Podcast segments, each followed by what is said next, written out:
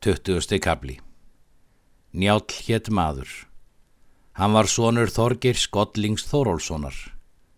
Móður Njáls hétt Áskerður og var dóttir Árs Hersis hins ómálga.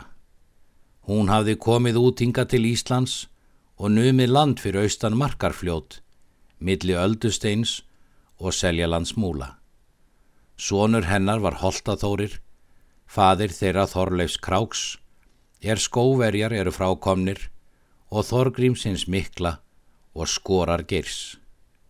Njál bjóað Bergþórskóli í landegjum. Annað bú átti hann í Þórólsfelli. Njál var vel auðugur að fjö og vætnað áliti. Honum ógs eigi skegg. Hann var lögmaður svo mikill að enginn fannst hans jafningi. Vitur var hann á forspár, heilráður og góðgjarn og var alltaf ráði þar hann réð mönnum, hóvær og drenglindur. Hann leisti hvers manns vandræði er á hans fund kom. Bergþóra hétt kona hans.